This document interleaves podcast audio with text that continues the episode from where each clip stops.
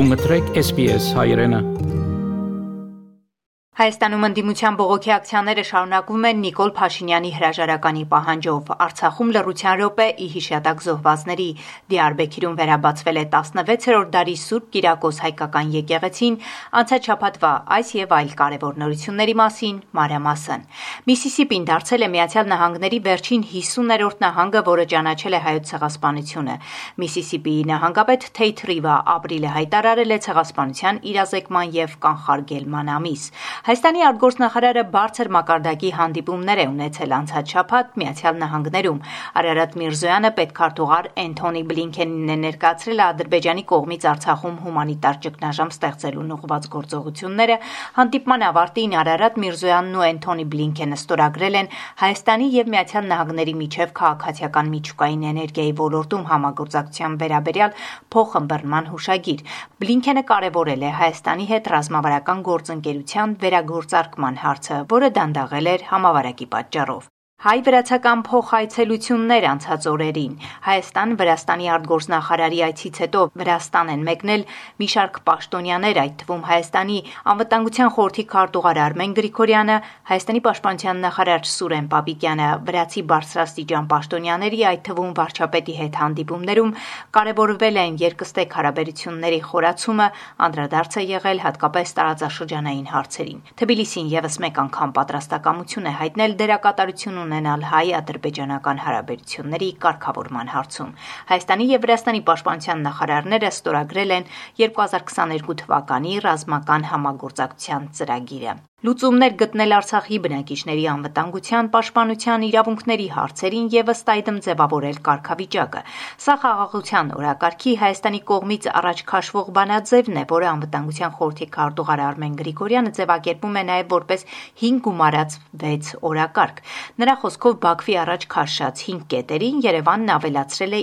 իր 6 կետերը։ Գիտեք, որ 5 կետին եղել է Հայաստանի 6 կետանոց պատասխանը, Հայաստանի համար անընդունելի կետ այդ 5 կետերում չեն եղել։ Հայաստանը իր 6 կետերով առաջարկել է, որ Լեռնային Ղարաբաղի հիմնախնդրին եւս լուծում պետք է տրվի, որ เป զի հնարավոր լինի համապարփակ խաղաղության պայմանագիր ունենալ։ Այս պահին մեր մոտեցումը այն է, որ այդ երկու փաթեթները, հա 5 6 կետերը պետք է միացնել իրար եւ սկսել խաղաղության պայմանագրի շուրջ բանակցությունները, որ เป զի նաև մենք երկարաժամկետ գտնենք Լեռնային Ղարաբաղի հիմնախնդրի լուծում առաջնային է Արցախում բնակվող մեր հայրենակիցների անվտանգության պաշտպանության եւ իրավունքների հարցերին լուծում գտնելը եւ ըստ դրա նաև պետքա ձևավորվի Լեռնային Ղարաբաղի ստատուսը Անվտանգության խորհրդի քարտուղար Արմեն Գրիգորյանը խոսել է նաև անկլավների մասին, տեղեկացրել, որ մինչ այս պահը Հայաստանն ու Ադրբեջանը անկլավների հարց չեն քննարկել։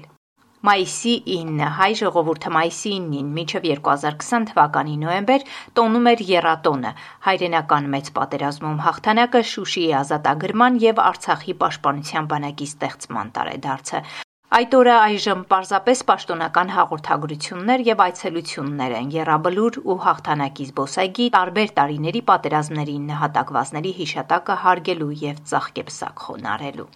Իշխանության եւ ընդդիմության ներկայացուցիչները օրվա մասին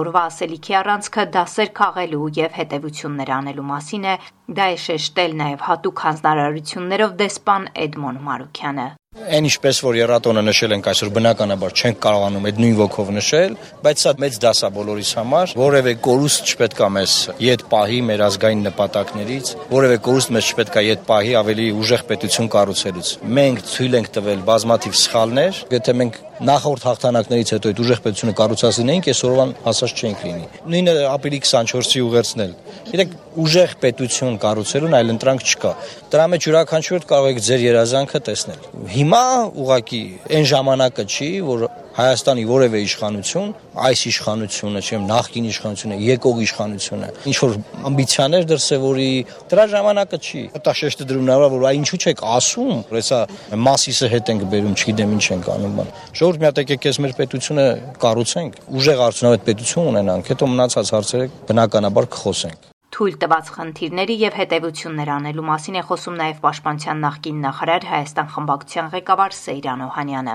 Ամենամեծ դասը դա նա է, որ պետական կառավարման համակարգը չի կարողացել պետությունը փոխադրել ռազմական ռելսերի վրա, օրենսդիր իշխանությունը չի կարողացել համախմբել եւ համապատասխան վերահսկողություն իրականացնել, չեն կարողացել պետական կառավարման ողջ համակարգերը համախմբել մեր ամբողջ ներուժը, Երևանում եւ Հայաստանի տարբեր մարզերում ընդդիմությունը շարունակում է հանրահավաքները անհնազանդության պայքարը ավտոերթեր պահանջելով Նիկոլ Փաշինյանի հրաժարականը։ Այստեղ համաժողովրդական ընդվզում է հանուն յուրաքանչյուրիս արժանապատվության, հանուն ազգային ինքնության, հանուն արդար, ուժեղ եւ համերաշխ պետության, հանուն Հայաստանի եւ հանուն Արցախի։ Եկեք այս հրապարակ, մաս կազմեք այս պայքարին։ Այս պայքարը հանուն Արցախի է եւ հանուն Հայաստանի։ Ընդդիմությունը թեև բոյկոտել է խորհրդարանական նիստերը, սակայն կառավարության հարց ու պատասխանի ժամանակ անցաչափած եղել է ազգային ժողովում։ Հիմա ինչ կապ ունի ով ինչա ժամանակին արել։ Դուք եք եկել վարչապետ եւ պարտավոր եք այդ կամքը իրականացնել։ Ալիճում լրություն։ Այդ կամքի իրականացման խոստումը դուք եք տվել։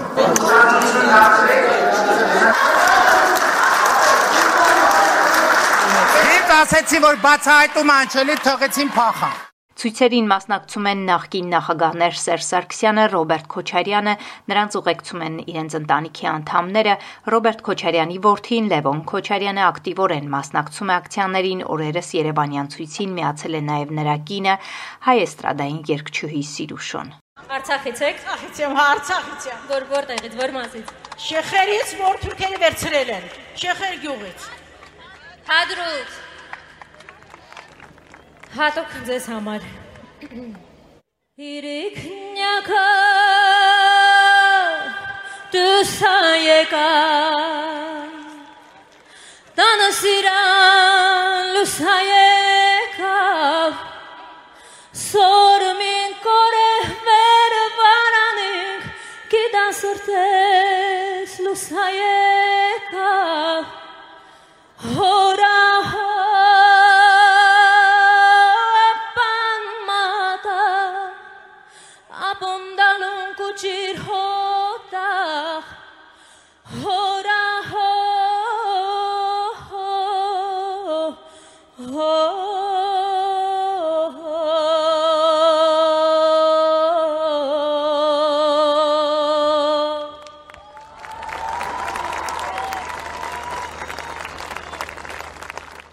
Արցախ. Ստեփանակերտում հայտարարվել էր լռության րոպե ի հիշատակ մեծ հայրենականում Արցախյան առաջին ապրիլյան եւ 44-օրյա պատերազմներում զոհվածների։ Շուշիի Սուրբ Ղազանչեցոց եկեղեցու նախկին հոգևոր հովիվ Տեր Անդրեաս Քահանա Թավադյանն ասում է.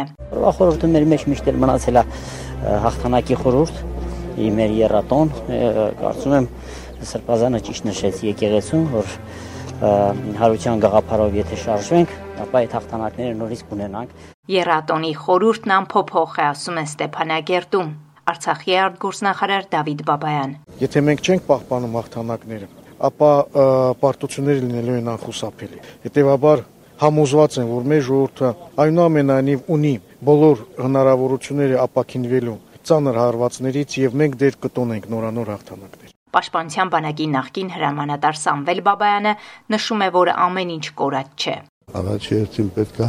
համախմբված լինենք։ Ես վստահ եմ, որ մենք կարողանալու ենք մեր խնդիրները լուծենք։ Սփյուռք Դիարբեկիրում պատմական Տիգրանակերտում գտնվող 16-րդ դարի Սուրբ Կիրակոս հայկական եկեղեցին, որը 2015 թվականին մեծապես վնասվել էր, վերականգնումից հետո պաշտոնապես վերաբացվել է անցած շաբաթօրը Պոլսո հայոց պատրիարք Սահակ arczepiskopos Մաշալյանի նախագահությամբ եկեղեցում մատուցվել է առաջին Կիրակնորիա պատարակը։ Պատրիարքը եկեղեցու բացումն անվանել է Փրկողակ Դիարբեկիրի քրիստոնյա բնակչության համար։ Հալեպում Սփյուռքի գործերի գլխավոր հանձնակատար Զարե Սինանյանն անցաչափած հանդիպումներ է ունեցել տեղի հայկական համայնքային հոգևոր բարեգործական կազմակերպությունների ավանդական կուսակցությունների Սիրիայի խորհրդարանի Հայաստան-Սիրիա падգամավորական խմբի անդամների եւ հայ համայնքի ներկայացուցիչների հետ։ Գլխավոր հանձնակատարը շնորհակալություն է հայտնել բոլոր համայնքային կազմակերպություններին, կառույցներին,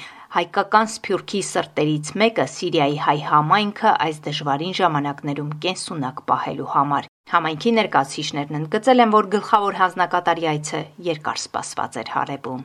Այսքանը անցնող շաբաթը Հայաստանում, Արցախում եւ Սփյուռքում SBS-ի համար ամփոփեց Գիտա Իլիբեկյանը։ Հավնե, լայք, բաժնեկցե, դարձիկը թայտնե, հետեւե SBS հայրենին թիմադեդի վրա։